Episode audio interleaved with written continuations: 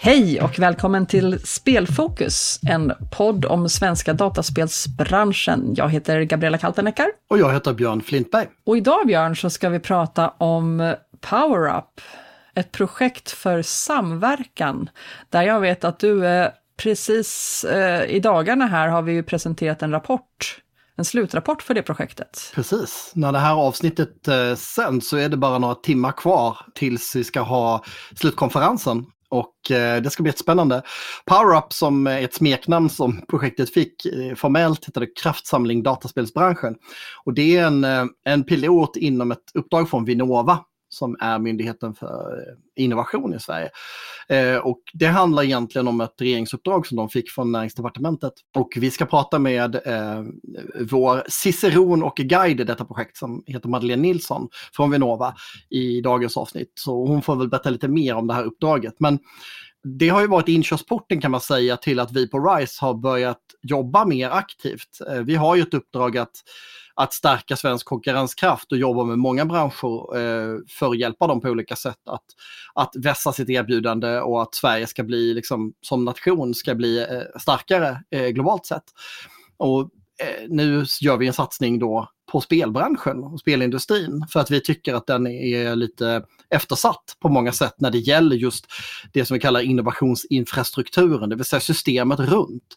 Det, det är ju lite grann som om om man bygger en gammaldags katedral så måste man ha de här stödbågarna för att tornet inte ska rasa. Och eh, det går att bygga höga torn men till slut så rasar de om man inte, om man inte har det där stödet. Och många traditionella branscher de har funnits så länge så att man har hunnit liksom upprätta ett ganska tydligt nätverk. Det är alltifrån underleverantörer, tillgång på kompetens, alla de där bitarna som behövs, forskningen som behöver finnas runt omkring Eh, utvecklingsstöd, olika institutioner, organisationer och sådär. Det har ju uppstått nästan som en gräsrotseffekt kan man säga i spelbranschen efterhand som behoven har uppstått och det har ofta uppstått väldigt lokalt. Och det har man identifierat och gjort att, att just dataspelsbranschen blev intressant som en pilot i det här projektet. Där man ska titta på synergierna mellan lokala, regionala företeelser och hur man kan samverka mellan regioner och också samverka nationellt Eh, för att få en bättre effekt och att helt enkelt dela med sig av kunskaper eller hitta bättre sätt att jobba. Och det där är, har varit ett väldigt spännande år och vi har haft förmånen att få prata med väldigt många människor och haft ett nätverk med över 90 personer som har, som har hjälpt till och bidragit till allt eh, arbete. Och det blir ju startskottet lite grann nu då här under 2023 för för vårt arbete, ditt och mitt och våra kollegors på RISE som ska jobba med, med spelfrågorna och spelindustrin. Så det ska bli superintressant. Vad hade du för bild innan du började på RISE? du är ganska ny hos oss. Ja, när, när det här avsnittet sen så har jag ju inte ens jobbat ett helt halvår utan bara några månader. Men det, det är så här långt jättespännande. Det jag tycker är roligt med RISE är ju alla dessa projekt som syftar till samverkan och det är precis det vi ska prata om idag. Varför är samverkan så viktigt? Eh, och dataspelsbranschen som jag upplever den är ju en bransch där många känner varandra, vi är samarbetsvilliga över gränserna mellan bolagen. Vi jobbar alla liksom för samma mål och, och det tycker jag är eh, roligt roligt att få vara med på RISE resa att främja det samarbetet. Och du har ju projektlett kraftsamlingsdataspelsbranschen, eller PowerUp då, som vi ska prata om idag, under 2022. Och jag har varit med på ett, eh, en sån sittning och bara den lilla sittningen som jag fick inblick i tyckte jag var eh, stämningen i gruppen och hur man delade information, vad man tog upp för frågor, tyckte jag var, var anmärkningsvärd hög, högt i tak. Vad är din upplevelse? Ja, men det upplever jag också. Jag upplever att, att nu är det ju inte så att det inte har funnits försök till samverkan. Det är, det är flera aktörer som redan har jobbat med det innan vi kom in i bilden. Så det är inte så att vi har skapat samverkan så. Men, men det är väldigt tydligt när vi drog igång det här och när jag egentligen inte visste vad jag skulle förvänta mig. Att det var verkligen någonting efterlängtat. Det var nästan som en tvättsvamp på vatten. Liksom. Att, att äntligen så får man ett nationellt forum där man kan diskutera en del av de här frågorna. Att det finns någon som som kan driva dem. Och där, där tror jag att vi på RISE kan vara en, en särskilt lämpad aktör eftersom vi har fingrarna i så många syltburkar eftersom vi är ett, ett bolag som ägs av staten men vi samtidigt eh, drivs i bolagsform. Eftersom vi har lokal förankring mellan våra orter och så vidare. Så jag, jag, tror att vi har en, en, en bra koppling till väldigt många slags aktörer, både företag och lärosäten och inkubatorer och så vidare. Så att, där kan vi vara en spindel i nätet. Jag hoppas att vi ska kunna fortsätta bidra här under, under 2023, 2024 och framåt. Jag, jag ser det här som en satsning som kommer att, att löpa på i ett antal år. Och jag, jag tycker det ska bli jättespännande och det här projektet som, som Kraftsamling dataspelsbranschen utgör är ju en, en jättebra inledning för det har gett oss en väldigt bra grund att stå på. En förståelse för branschen som är mycket djupare än den kanske idé man hade innan. Så att eh, det har varit väldigt tacksamt. Jag är väldigt glad att Vinnova hade möjlighet att, att finansiera det här för att kunna möjliggöra de efterforskningarna som vi ändå har gjort. Och nu kommer vi ju arbeta vidare med de findings då man har gjort i PowerUp-nätverket eh, i den nya satsningen som vi gör då på RISE som heter GameNode. Precis. Så att det, det känns också lite som att komma till ett dukat bord. Det, det, det få förunnat kanske att, att starta ett projekt med så tydliga eh, behovsanalyser gjorda redan. Eh, det ska bli superskoj. Och nu ser jag framförallt eh, fram emot att få lära mig lite mer om eh, Vinnovas eh, syn på PowerUp. Ja, det ska bli spännande. Vi tar väl och, och släpper in Madeleine och lyssnar på samtalet och intervjun med henne. Det gör vi. Hej och välkommen till Spelfokus. Ja, vad roligt att ha dig här Madeleine. Hej, tack så jättemycket för att jag får delta. Ja, kan inte du berätta lite grann om, om vem du är och, och vad du jobbar med? Ja, jag heter Madeleine Nilsson och jag jobbar på Vinnova som då är Sveriges innovationsmyndighet. Och jag jobbar 100% med ett särskilt regeringsuppdrag. Vill ni att jag ska berätta om det direkt eller ska vi ta det lite på om Nej men berätta gärna, för det har ju väldigt särskild relation till, till varför vi sitter här just idag. Det är ett regeringsuppdrag som handlar om att eh, utveckla arbetssätt och processer för att få till ökade synergier mellan regionala, nationella och internationella innovationsinsatser. Det är väldigt mycket hur-frågor vi tittar på. Hur får vi till de här arbetssätten? Och just att koppla ihop det vi brukar kalla flernivåsamverkan och flernivåstyra, så alltså att det är just det här regionala, lokala i kombination med det nationella och det internationella. Och i det internationella ingår också EU-nivån. Um, ehm, och då är ju dataspelsbranschen, det är en av våra synergipiloter som vi har arbetat med. Det här regeringsuppdraget landade på Vinnova i juni 2021, alltså förra året. Och det, vi jobbar på med det till april 2023. Så det är väldigt spännande arbete. Ja, hur kom det sig att just eh, dataspelsbranschen fick, fick bli en av de här piloterna, vilket vi är jätteglada för såklart? Det var faktiskt den första tematiska piloten som vi kallar det. Vi har ett antal olika arbetssätt vi tittar på, men en, en sorts eh, arbetssätt vi tittar på det är hur nationell nivå i Sverige, och det kan då vara Vinnova, men det kan ju också vara andra nationella hur kan vi bättre koppla samman det som görs på olika platser i landet?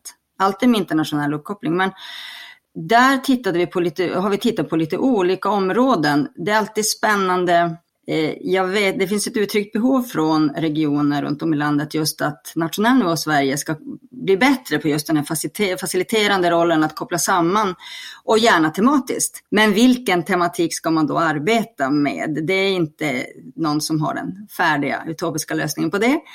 Men där så tittar, tittar vi på ja, lite olika. Det finns en del initiativ som tas från EU-nivån. Det finns andra initiativ där vi har väldigt starkt driv nationellt från Sverige. Men dataspelsbranschen tyckte jag var väldigt intressant för det är, en, det är en bransch och ett område där det inte har gjorts så starka initiativ från nationell nivå i Sverige.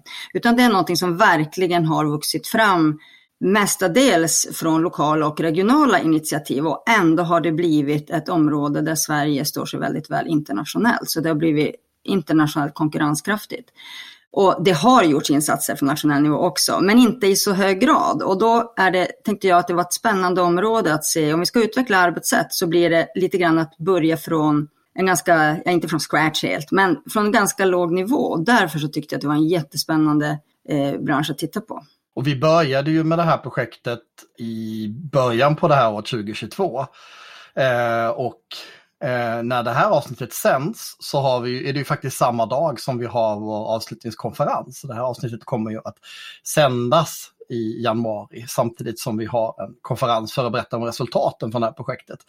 Eh, och det känns ju otroligt spännande att, eh, att ha fått jobba med det här under den här perioden. Eh, det har ju verkligen varit en eh, gensvaret kan man säga från Eh, både branschen självt men också eh, den bredare branschen, alltså ekosystemet runt branschen med allt vad det innebär med utbildningsanordnare och lärosäten och inkubatorer och så vidare har ju varit otroligt stort. Det har ju varit som en som en eh, tvättsvamp verkligen. Det, det har eh, slutit upp väldigt mycket organisationer och individer som har velat se det här initiativet. Så att det här du säger med att, att eh, det har funnits önskemål på regional nivå, om att man ska liksom titta mer på faciliteringen av, av samverkan på olika sätt. Det, det, det har ju verkligen det här projektet visat oerhört tydligt. Så att eh, vi är väldigt glada att ha fått göra den här piloten eh, och fått en chans att, att knyta ihop människor på, på ett nytt sätt, verkligen. Jag tycker också att det, vi jobbar mycket med hur-frågor, att det är det som är viktigt.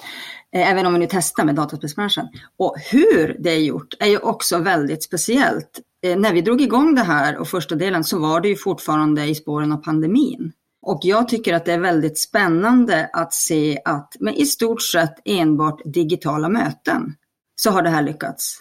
Ingenting slår ju det mänskliga mötet, det vet vi. Vi människor är som gjorda för att träffas IRL, alltså fysiskt och ses och man ser kroppsspråk och så vidare.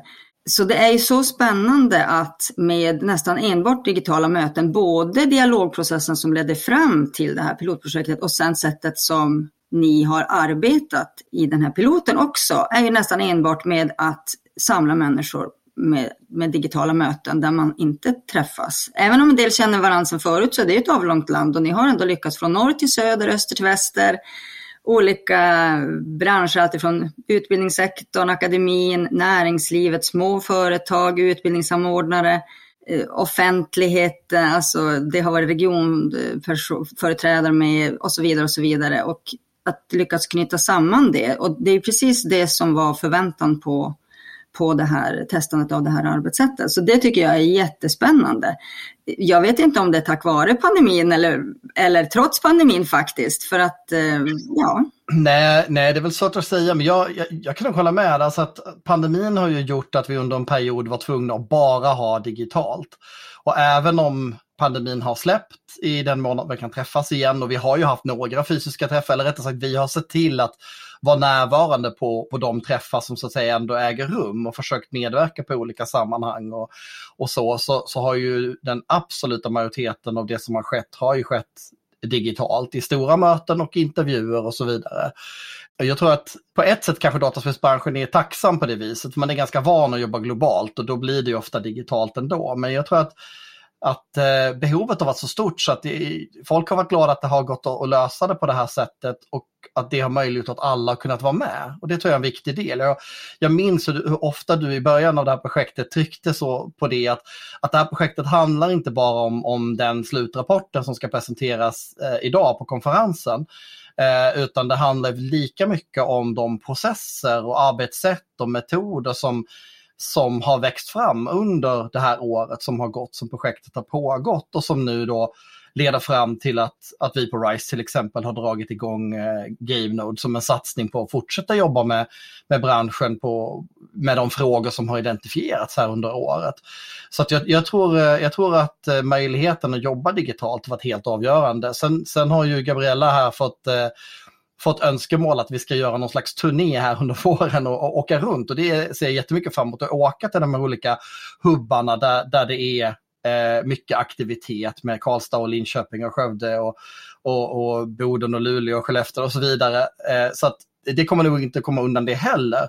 Men jag tror att det långsiktiga, liksom återkommande, kommer nog fortfarande vara digitalt tror jag.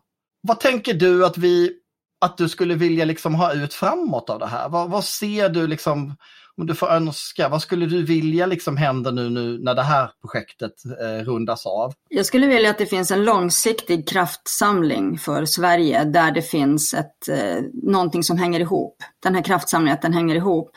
Eh, och det är för att det är så jag ser att vi får ut de ökade synergierna av det här.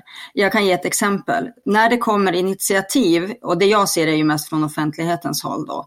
När det kommer initiativ, eh, det kanske är någon satsning mot något land, det kan vara tematiskt arbete med hur kan vi använda det här för hållbarhetsfrågor, eller det du är inne på att inkludera fler demokratiska frågor, vad det än må vara. Då märker jag att det är ett sånt värde i att det finns en samlande organisation i Sverige där, som man kan hänga upp det på. Man vet, man kan ringa någon eller man kan eh, mejla, man kan få kontakt med någon och plötsligt så är man uppkopplad och ihopkopplad med det finns, det finns ett färdigt spindelnät i Sverige där det finns en kraftsamling. Därför att då blir det mycket lättare också att när det ska ske en satsning eller man, det är ett arbete som behöver ske eh, eller vi vill leda någonting, driva en fråga så kan man koppla in det direkt. Och då vet man att ja, här, här är olika sektorer sammankopplade och det är både bransch och akademi och ideell sektor och så vidare. Det finns, det finns redan hopkopplat och det, är, det inkluderar aktörer från, eh, från hela Sverige. Då. Och det ger en styrka, där man kan ta avstamp i det och få mycket, koppla på mycket annat. Så det är väl det som är en del i att få att hitta arbetssätt som kan ge de här ökade synergin. Jag tänkte eh, att vi kunde backa bandet lite grann för de som inte kanske är så kunniga i vilka Vinnova är och hur ni jobbar normalt. Skulle du kunna berätta lite grann om Vinnova? Ja, men Vinnova det är då Sveriges innovationsmyndighet som eh, har tio strategiska områden, är på väg att bli åtta. Eh, vi arbetar väldigt mycket tillsammans med stora företag, små företag i Sverige, akademin, eh, offentliga aktörer på olika sätt för att främja innovation. Eh, och det finns också mycket internationell uppkoppling.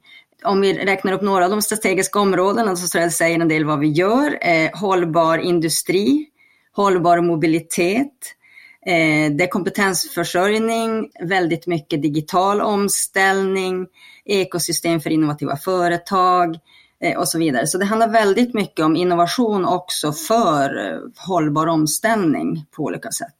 Eh, det är en av Sveriges största finansiärer av innovationsinsatser, eller den största, om man tittar på den svenska budgeten. Sen, sen finns det också privatsektor väldigt viktig för att arbeta med innovation. Huvudkontor i Stockholm och så finns det också kontor i Silicon Valley i USA och i Bryssel då i Belgien och det finns i Tel Aviv i Israel också. Men huvudkontoret finns i Stockholm i Sverige. Och du själv sitter i? Jag sitter faktiskt och jobbar dagligdags från Luleå. Så trevligt! Ja, jobbar nationellt över hela, över hela Sverige. Och, eh, väldigt, det ser jag som en styrka i det här. Det är, jag upplever att det är väldigt lätt för mig att ringa till någon i Halmstad och direkt så, det finns en vi-känsla i att vi sitter inte i huvudstaden. Det hörs ju när jag pratar också. Jag har ingen ambition att ta bort någon norrländsk dialekt heller. Jag tycker det är härligt att vara norrbottning. Du, du var inne lite på det innan eh, och det, det tycker jag är en intressant grej med, med dataspelsbranschen som kanske inte alla branscher har men som många kreativa näringar har. Och det är ju att förutom att man då är en näring och man genererar intäkter till Sverige och så vidare så är man ju också en del av så att säga kulturutbudet och liksom sättet man uttrycker sig, precis som teater och, och andra former av kreativa näringar. Va, vad tror du spel har för liksom roll som, som kulturbärare och som, som del i liksom samhällsutveckling och demokratiutveckling? För det är ju det är ett spår som så att säga ligger parallellt med den rent affärsmässiga delen av det. Det var ju en spännande fråga. Eh, jag tänker eh, om, om man ser sig omkring, nu såg jag en siffra här att ungefär hälften av alla europeer mellan 6 till 64 år ägnar sig åt någon form av spel på olika, det kan vara telefoner eller datorer eller spelkonsoler. Så att, att det har en påverkan kulturellt och på oss som människor, där tänker jag att det är inte så svårt att, att förstå när man har sådana siffror fram tills för några år sedan så har det ju varit kanske mer den här typen av brädspel, att man samlas runt köksbordet och spelar. Och nu upplever jag ju, jag spelar faktiskt eh, min, mina dataspelstimmar den senaste veckan, eller den senaste eh, månaden, är noll. Så det är inte så att jag själv spelar så mycket just dataspel. Men jag har ju människor runt omkring mig. Alltså, det är ju verkligen någonting. Tittar man i skolklasser nu så alla våra barn och ungdomar inte alla ska vi inte säga, men väldigt stor utsträckning, många, eh, är det ju någonting som man gör dagligdags. Och det är klart att det får en påverkan. Jag måste, får jag göra en liten reflektion som jag tyckte var så spännande, apropå den här pandemin som vi just har levt med. Jag tyckte det var så fascinerande när jag i mitt arbete såg hur, åh nu, vi, vi tränar på det här med digitala möten och idag har vi haft möten med de här de, de har vi aldrig haft digitala möten med förut och nu, ja det gick bra och alla kunde koppla upp sig och det ja, gick bra. Och så tittar man så där, vad, vad, gör, vad gör mina barn och barnskompisar? Ja, de har eh, på enbart digitala medier, via datorer och telefoner, då först så förhandlar de om vilket spel ska vi spela. Eh, sen så förhandlar de om, ja är det någon som ska, ska äta snart? Nej, ja men vi kör nu. Och vad vill du ha? Ja men jag vill ha det där. Så först förhandlar sen går de in. Sen löser de i det här spelet mikrosekundstaktiska beslut tar de två, tre, fyra, fem personer Eh, och spelar. Och går du dit? Nej, jag vill plocka de där tre äpplena för att då får jag, nej jag tänkte bygga den här fabriken. Jaha, varför det får jag vara med? De löser ju, och ibland lite komplicerade saker löser de om man, om man lyssnar lite på de här. Och då tänkte jag i mitt arbetsliv att ja, vi är ju jätteduktiga som har våra digitala möten, men alltså vi borde kunna göra ännu mer utan att ses. För att om man tittar vad barnen lyckas, och dessutom på olika språk. Det är svenska och engelska och någon är yngre och kan inte riktigt och andra översätter. Och det lyckas de göra, alltså verkligen sekund, sekundtaktiskt lösa eh, utmaningar i spelen. Så att, att det påverkar vår kultur och vad vi gör och hur vi lever, det tänker jag att vi kan se runt omkring oss varje dag. På gott och på ont, det är lite svårt att få bort dem därifrån. Men... Jo, men så är det. Jag har ju jag har en åttaåring hemma som går i andra klass och han vi testade honom faktiskt, han är otroligt duktig på engelska för att vara så pass liten. Eh, så vi körde lite sådana här tester som man kör för att nivåplacera bara på skoj eh, när vi var ute och reste, han en lång resa i bilen och, och vi, det, när han kom upp till sjätte klassnivån då började han liksom utmanas lite men trean, fyran, femman det bara gled han igenom och han har ju kompisar i England och eh, sitter och spelar med dem och, och startar egna eh, servrar i Discord och sådär. Och det är ganska häftigt att se hur snabbt de lär sig och tar till sig och samarbetar precis som du säger. Och då kan jag bli lite sådär, och jag vet inte, jag vet inte om ni håller med, det är egentligen en fråga till båda två. Ibland kan jag fortfarande få känslan, för jag har ju växt upp som det man förr kallade digital immigrant, det vill säga det fanns ju, inga, fanns ju inget internet när jag var liten, utan jag har ju växt in i det, men jag har ju varit med från början i alla fall. Och den här generationen, de föds ju in i det, de vet ju ingenting annat. Min son har också varit och pillat på tv när han var liten för att han trodde det var en touchskärm. Liksom. Men samtidigt så kan jag då fortfarande träffa människor som säger ja, spela, det är inte så intressant, det är bara det, det håller mina unga på med. Liksom. Finns den där attityden kvar tror du? Man tittar liksom på beslutsfattare, man tittar på folk runt om i Sverige som säger tillhör den här min generation och uppåt så att säga som inte riktigt förstår att spel är ju inte bara liksom lek och underhållning, även om det är det också, utan att det är idag en väldigt stor bransch med en omsättning vad nu är på 58 miljarder förra året. Känner du, liksom, hör du den där typen av grejer också Madeleine? Alltså jag tänker att det finns överallt. Vi är ju olika människor och eh, det finns ju olika uppfattningar om vad det kan bidra med, alltså dataspelsbranschen. Så, om jag nu ska bli lite de behoven som jag ser i mitt arbete med digital omställning, kompetensförsörjning, företag som skriker efter kompetens. Det är en sån här ständig fråga när regioner har en dialog med någon på Vinnova eller Tillväxtverket där jag arbetat tidigare. Då är det just kompetensförsörjning och inte minst olika sorters digital kompetens. Det finns ju väldigt många olika typer av digital kompetens och förmåga som, som söks och behovet ser bara ut att bli större framöver.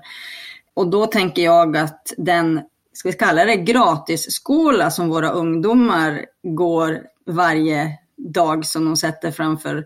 Alltså de, de kan ju alla möjliga eh, operativsystem och, och, och vilka tangenter man ska, och de blir väldigt snabba på kommunikation via dator och, och telefon och så vidare. Och även en förståelse för hur saker och ting hänger ihop digitalt. Den, den skolan tänker jag att vi kan vara lite taktiska och dra nytta av framöver.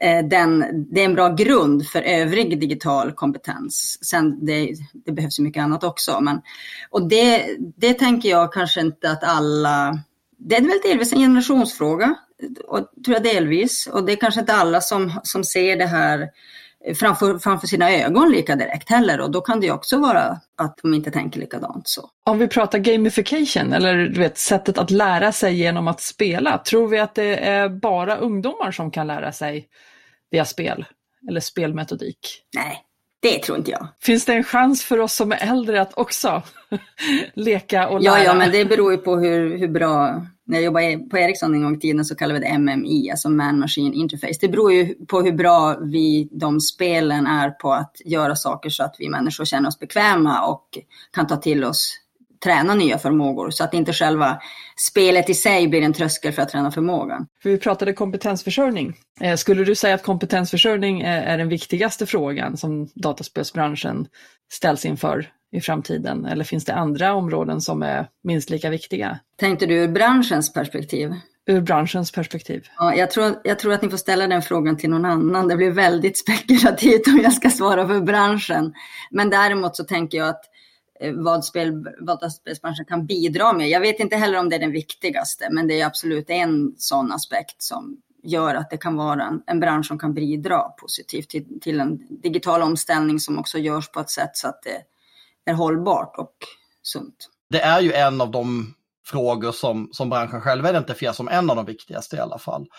Jag tycker det är intressant också att titta på de här spilleffekterna som in i andra branscher. Och även om jag kan vara fascinerad över eh, åttaåringens förmåga att prata engelska och lära sig teknik så tycker jag att det som kanske är allra värdefullast ur ett nationellt perspektiv det är ju just den här förmågan att planera och samarbeta tillsammans. För oavsett vilket yrke man går in i så är ju det här någonting som, som Sverige beundras för. När man kommer ut i södra Europa eller man kommer utanför Europas gränser. Att vi har den här lite platta organisationen, vi har, vi har ganska kreativ och innovativ befolkning, vi kommer ofta högt upp i rankingen när det gäller innovation, vi har ett, ett bra entreprenöriellt klimat och så vidare. Och den här förmågan att, att kollaborativt samarbeta i grupper med olika discipliner mellan, med teknik och, och design och, och, sånt där. Och där är också spelbranschen ganska stark i att man har de här kompetenserna inbyggda på ett sätt som man kanske inte har i tung industri idag. Men, eh, men det finns ju företag som redan idag har börjat liksom nosa på det här. Ofta, ofta via antingen någon teknik då som via till exempel att man börjar använda det, jag vet att gruvindustrin har varit inne och nosat på det. Men också kanske i, i metodikdelen, det som man då kallar för gamification, när man tar moment eller metoder från spel och, och använder till exempel i kompetensförsörjning just för att skapa ett mer immersivt lärande.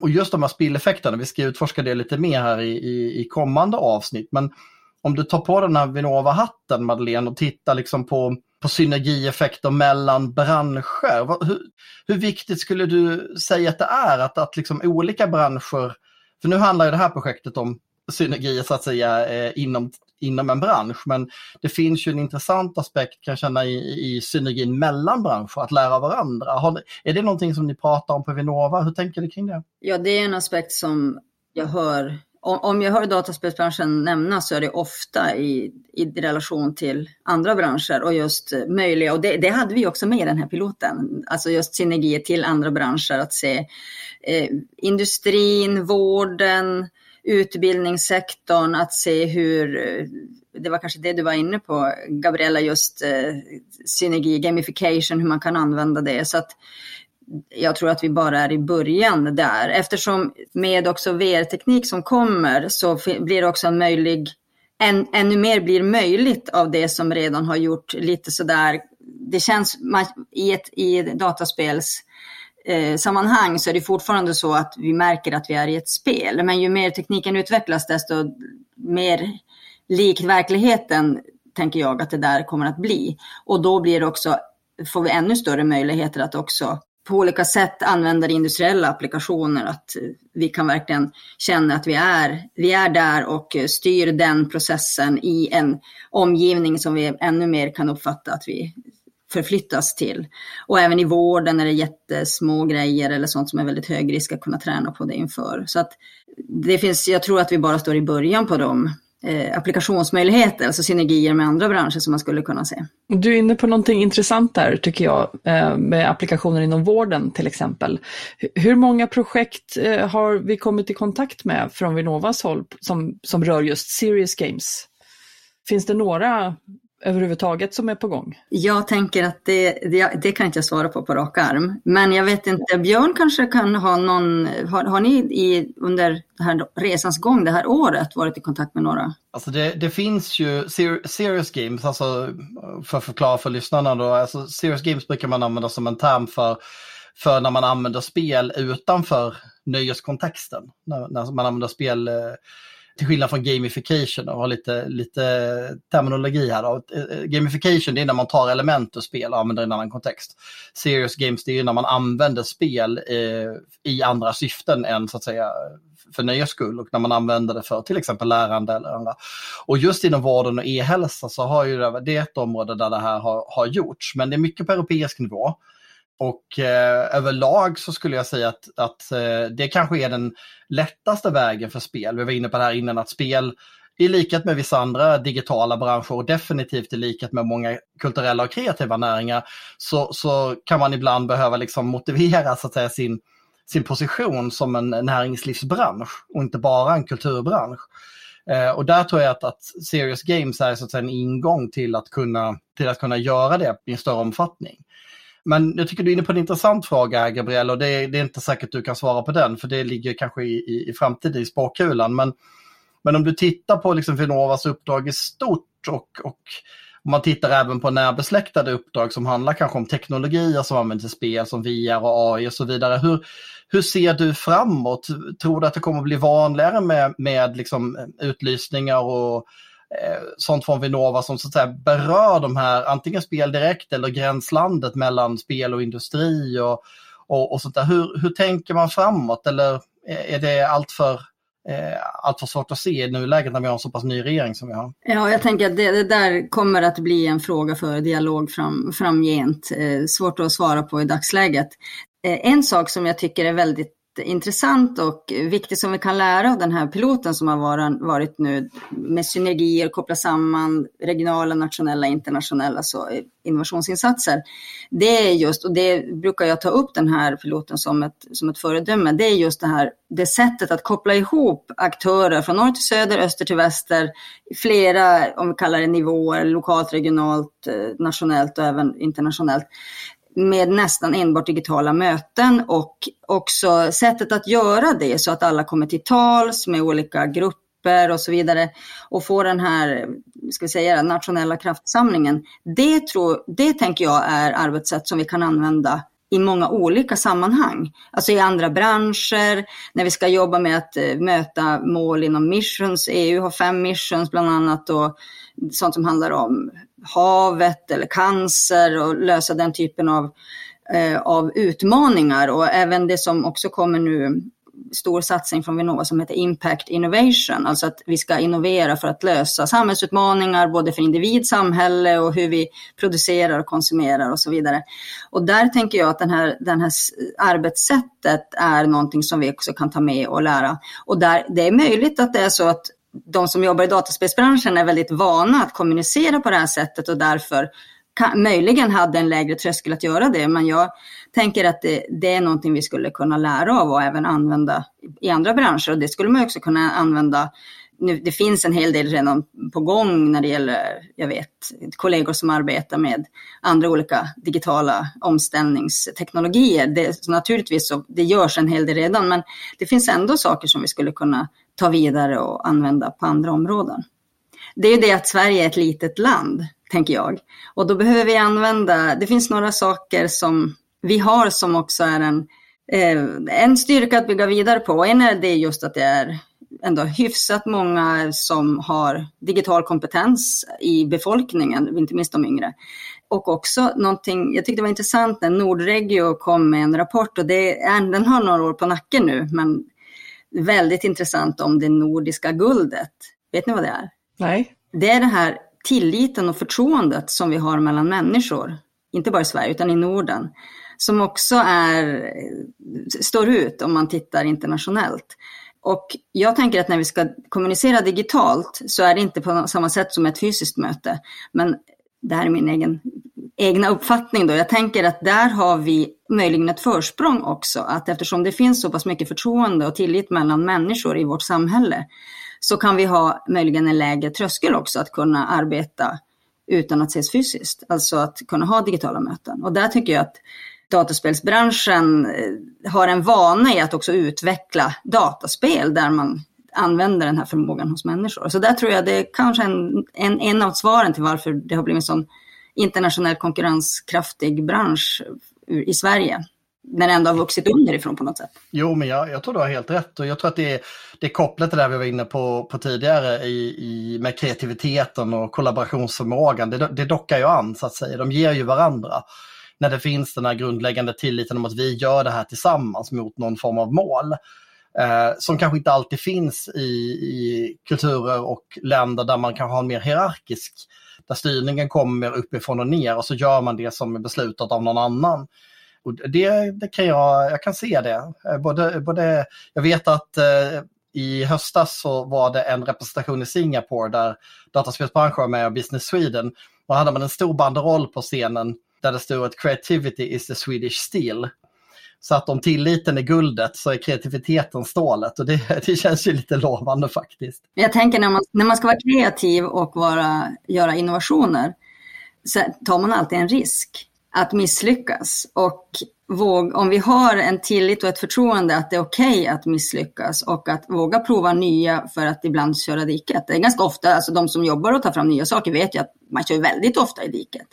Om det då är okej okay, och eh, vi vågar prova nya och det behöver vi också göra med de utmaningar som samhället och jordklotet står inför. Då behöver vi våga prova. Vi brukar säga att vi måste innovera hur vi innoverar, alltså att vi måste våga få fram alltså, innovation på nya sätt och också på en systemnivå. Alltså det handlar inte om teknisk innovation bara, det handlar inte bara om social innovation, typ biblioteken, social innovation. Det handlar också om att, att våga på systemnivå och då är det plötsligt väldigt många människor som behöver träffas och kunna lita på varandra och komma över trösklar väldigt snabbt. Också, också kunna lösa saker utan att resa. Vi måste resa mindre då för klimatets skull. Så att, eh, och då tänk, det är därför som jag tycker att det arbetssätten i den här dataspelsbranschpiloten är väldigt intressanta också att titta på och lära sig av och använda inom andra områden. Mm, vad spännande det har varit otroligt roligt att få ha dig här Madeleine. Ehm, vi börjar närma oss eh, slutet här. Eh, har du någonting du skulle vilja fråga oss eller skicka med till våra lyssnare eh, med anledning av den här piloten så här som lite slutord? Ja, men dels så tycker jag att det, det är väldigt roligt att se att med ändå hyfsat små, små medel monetärt så, så kan vi, när vi kopplar ihop saker och framförallt kopplar ihop människor, så kan vi få fram mer synergier. Alltså vi, vi ger inte in mer pengar utan vi får ändå ut mer nytta. Så det är väl en sak. Och sen så tänker jag att det är väldigt nyttigt att ha med oss i bakhuvudet att Sverige är ett litet land i världen. Så det är väldigt nyttigt att, ställa saker i ett internationellt perspektiv. Och ett sånt kan vara vilka ska vi samarbeta med utan, utanför våra gränser och då, in, då blir det väldigt lätt att vi det blir ingen risk att vi simmar runt i vår lilla akvarieskål här i Sverige utan att vi, eh, vi lyfter blicken och, och, och där tycker jag också att dataspelsbranschen har en sån naturlig global aspekt så att det kan vara väldigt bra att ha med sig. Det tror jag också. Tack snälla Madeleine för att du ville komma till Spelfokus och för att du ville vara gäst här. Eh, och eh, ja, sen ses vi ju i eftermiddag får jag då säga eftersom det här avsnittet spelas in lite tidigare men kommer att sändas eh, samma dag som avslutningskonferensen. Superstort tack! Tack för att jag fick komma! Så Power Up alltså, det har ju varit ett... Hur har det varit, Björn? Vad är dina reflektioner efter det här samtalet med Vinnova? Det är alltid kul att få jobba. Jag tycker att Vinnova gör ett, ett väldigt viktigt jobb och en väldigt viktig roll att fylla därför att det är oftast den myndigheten som, som kommer in ganska tidigt när nya saker dyker upp som behöver förändras eller jobbas med. Jag tycker att man generellt är ganska bra på att använda det här innovationsbegreppet. Man tänker så ofta att innovation, att det ska handla om en ny produkt eller en ny tjänst, men jag tycker allt oftare så handlar det kanske om att man ska innovera en process eller en metod eller ett sätt att jobba eller sådär. Och, och, det har ju verkligen det här uppdraget handlat om. Eh, att titta på nya processer och nya metoder. Sen är det klart att det, det var lite svårt i början därför att, att komma in som, som RISE i, i en bransch där det så att säga redan pågår ett antal saker. När, när vi drog igång och jag gjorde en plan och en ansökan för, för det här projektet så hade jag en bild av hur vi skulle lägga upp det, men jag upptäckte ju ganska snart när jag började prata med de här olika aktörerna att det fanns ju ett antal processer som redan var igång. Ett antal nätverk och ett antal sammanhang där man redan hade dialog. Liksom. Och det finns ju ingen anledning att komma in som någon slags uppifrån perspektiv och starta nya grejer, utan hela poängen när man jobbar med förändringsarbete, det är ju att utgå från det som redan finns och försöka jobba med det så att säga. Jag brukar säga att man ska jobba aikido, inte karate. Liksom. Inte, inte konfrontativt utan hela tiden vara följsam i, i det som finns och det som behövs. Vi på RISE har ju liksom en, en katalysatoruppgift, en, en roll att hjälpa till. Vi äger ju sällan några processer eller, förvaltar saker över längre tid utan vi är ju ett hjälpverktyg som finns i Sverige för att stärka processer eller lösa saker som ingen tar tag i eller utforskar. Så det, men det har varit kul. Det har varit kul, det har varit ett jätteintresse, ett mycket större intresse än vad jag hade kunnat drömma om. Eh, det märks att, att den här branschen verkligen har saknat, saknat en sån här arena som vi har kunnat upprätta med hjälp av, av det här projektet. Då. Och mer av det ska det ju bli. Eh, med att vi tar tillvara på de här findings som har gjorts nu i PowerUp nätverket och fortsätter att ta tillvara på dem och fortsätta skapa nätverk, fortsätta skapa forum där det här samarbetet kan fortsätta. Eh, I form av GameNode då. Eh, jag gjorde den här reflektionen, jag tyckte det var en fantastisk sak som jag kommer ta med mig, det här det, det svenska guldet Eh, det svenska stålet i, i våran samarbetsvilja över bolagsgränser och över regionsgränser. Ett nationellt liksom, samarbete för the greater good. Ehm, det, det, tar jag med mig, det tycker jag är otroligt positivt och framförallt i dataspelsbranschen. Ja, och det, det är något som inte alla branscher har. Jag pratade med lite folk som är aktiva i olika bolag och de, de säger ju att vi bjuder ju ofta in våra konkurrenter till våra fester eller våra evenemang eller sådär. Det ser du kanske inte in i bilbranschen sa han. Du ser inte att Volvo bjuder in Scania till sina evenemang alltid. Liksom, utan, men här är det lite som att alla vill att alla andra ska lyckas. Eh, konkurrens, man ser inte varandra som konkurrenter utan marknaden är global. Eh, man brukar prata om born global som koncept. Det vill säga att de här företagen de, de föds och lever på en internationell marknad. Man släpper sina spel på Steam och då är de omedelbart tillgängliga i hela världen. Och lokaliseringen det handlar ju mer om anpassning av språk i spel och, och lite sådana här bitar. Så det är en bransch som har väldigt fina förutsättningar för att kunna bli någonting riktigt, riktigt stort för Sverige. Och jag hoppas att, att vi ska kunna bidra till att, att ta tillvara på det. Och då är ju sådana här projekt, utvecklingsprojekt som jag kallar dem, oerhört viktiga. För det saknas till väldigt stor del. Det är väldigt beroende av att man från Vinnovas och kanske Tillväxtverkets sida, som kanske är de två mest aktuella myndigheterna för sånt här, att man, man tar vara på att utveckla spelbranschen så att de får de möjligheterna de behöver. Så man kan jobba med hållbarhet, så man kan jobba med jämställdhet, så man kan jobba med klimat och miljöfrågor, så man kan jobba med ledarskap, kultur, inkludering. Alla de här frågorna som är så centrala för att en, en bransch ska kunna bli långsiktigt hållbar. Och vi har ju ett uppkommande avsnitt om just hållbarhet också, vilket ju är ett nationellt och, och, och globalt eh, fokus. Men det, det, tror jag många gör reflektionen att hållbarhet handlar bara om liksom miljöutsläpp och sånt, men det handlar ju också om hållbara arbetssätt. Absolut. Eh, om hållbara försäljningsmetoder och alltså pro, produkten i det här fallet är ju en digital produkt. Eh, och här kan man ju då gå in på, på vad är ett hållbart sätt att underhållas på, liksom som kulturfenomenet. Det skulle jag vara mycket intresserad av dy dyka in lite djupare på. Ja, men precis. Jag tycker det, jag tycker det är viktigt att man, att man tittar på det och, och, och även faktiskt inom just så att säga, klimatpåverkan och sånt där så, så, så är det ju inte det är inte fel att, att, titta på de här digitala tjänstebaserade näringarna och det är inte bara dataspelsbranschen men det är ju en, en ganska gröna näring om man jämför med, med produktionsnäringarna. Alltså eh, det är klart att har du en fysisk råvara som måste bearbetas och processas i ett antal steg, då går det ju åt mycket mer energi eh, och mycket mer utsläpp än när hela så att säga värdekedjan är helt digital. Så att du får en annan typ av belastning på miljön. Visst, det, går, det är ju servrar och el då, och el är ju en het fråga. Men, men, men till stor, om man jämför det så att säga, med tillverkningsindustrin så är ju alla tjänstebaserade näringar intressanta om man vill titta på just klimatfrågan. Och där hoppas jag att vi i Sverige ska kunna följa Finlands exempel där man faktiskt på nationell nivå har tagit fram mallar och stöd och standarder för hur man ska kunna beräkna det här. I Sverige är det lite mer splittrat. Det finns företag som har gjort jättefina jobb men, men det, det skulle behöva göras mer och det hoppas jag ska kunna bli ett framtida projekt kanske. Ja, mycket intressant som är i pipeline för oss att få prata vidare om och lära oss mer om och förstå. Eh, jag hoppas att du som lyssnare har njutit av det här avsnittet och att du hänger med oss i framöver också på de spännande ämnen vi ska prata om.